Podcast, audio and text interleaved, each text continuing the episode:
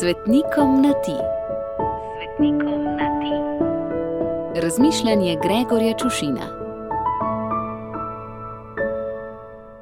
Ljuba sveta Hildegarda.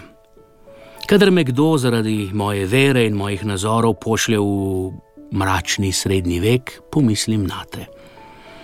Kadar me kdo poučuje o crkvenem zatiranju žensk, pomislim na te. Kadar poslušam kvazi feministično javkanje, pomislim na te. Le pomislite, na vrhuncu pregovorno mračnega, neizobraženega in vseh pogledih zaostalega srednjega veka, ki pa še zdaleč ni bil tako temačen, nerazgledan in v skoraj vseh pogledih nazadnjaški, kot je naš čas, se znotraj institucije, ki v svoji hierarhični strukturi izključno moška, pa čeprav ti moški nosijo kikle in jim tako pregovorno že odnegde, pa vse do danes manjka tisto, kar pritiče hlačam in kar se praviloma nosi v hlačah. No, se pojavi ženska, ne samo ženska, celo nuna.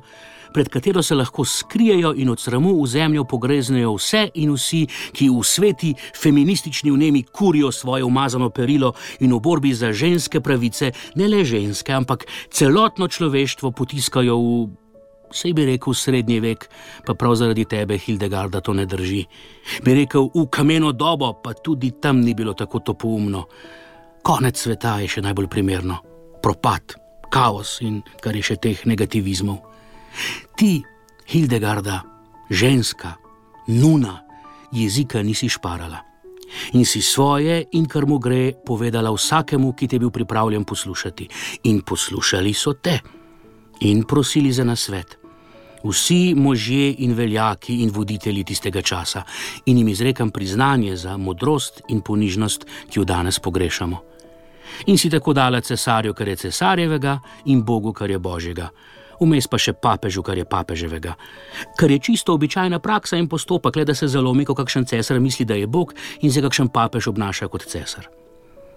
Umetnica, pesnica, zdravnica, mistkinja, prerokinja, a si svoja videnja preverjala pri duhovnih avtoritetah in svetem duhu, kljub temu, da bi lahko ob vsem, kar si bila, bila tudi samozavestna. Pač nisi bila vase zagledana kot nažalost mnogo današnjih umetnikov, pesnikov, znanstvenikov, prerokov, ki odprejo usta, ko mislijo še počepnila, nikaj šele, da bi se usedla v možganih. In potem imamo, kar imamo. Predvsem nimamo duha, da o svetem duhu sploh ne govorim obilo žegna ob tvojem godu, pa nam ga vrni in razli na nas. Gregor.